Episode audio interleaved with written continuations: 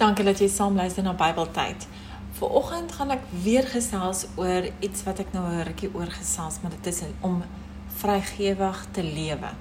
En dis 'n reminder vir myself ook. Ek lees uit Spreuke 22 vers 9. Wie mededeelsaam is, word geseën, want hy gee van sy kos vir die arm mense. 1 Timoteus 6 vers 18 spoor hulle aan om goed te doen, om ryk te wees in goeie dade, vrygewig en mededeelsaam. Hebreërs 13 vers 16 Moenie nalat om goed te doen en mededeelsaam te wees nie, want dit is die offer offers wat vir God aanneemlik is.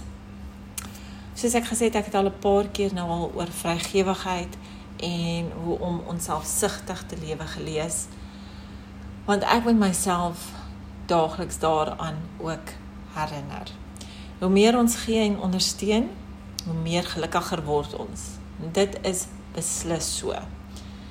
As jy klere in jou kas het wat jy vir die afgelope jaar nie gedra het nie, gee dit vir 'n boemelaar. As jy kos gaan koop, koop vir die persoon op straat ook iets lekkers om aan te eet. Gee sommer ook 'n koeldrank daarbey. Gee Bybels aan jou huishulp en tuinier. Bid saam met hulle. Ek weet ek kan nog meer doen as hierdie Bybeltyd op my WordPress en op my Toep en op Facebook. Ek weet ek voel dit in my hart.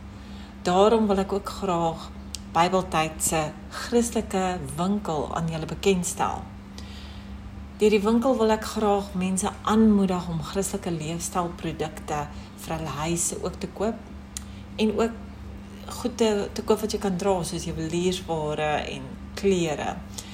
Die winkel is tans nog nie oop nie, maar ek werk daaraan en behoort teen die einde van September oop te wees.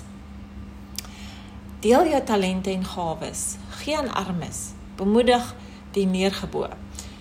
Maak vandag die besluit dat jy meer gaan uitreik, meer betrokke gaan wees. Vra die Here om jou te seën sodat jy 'n seën kan wees vir ander. Dankie dat jy saam geluister het. docentes.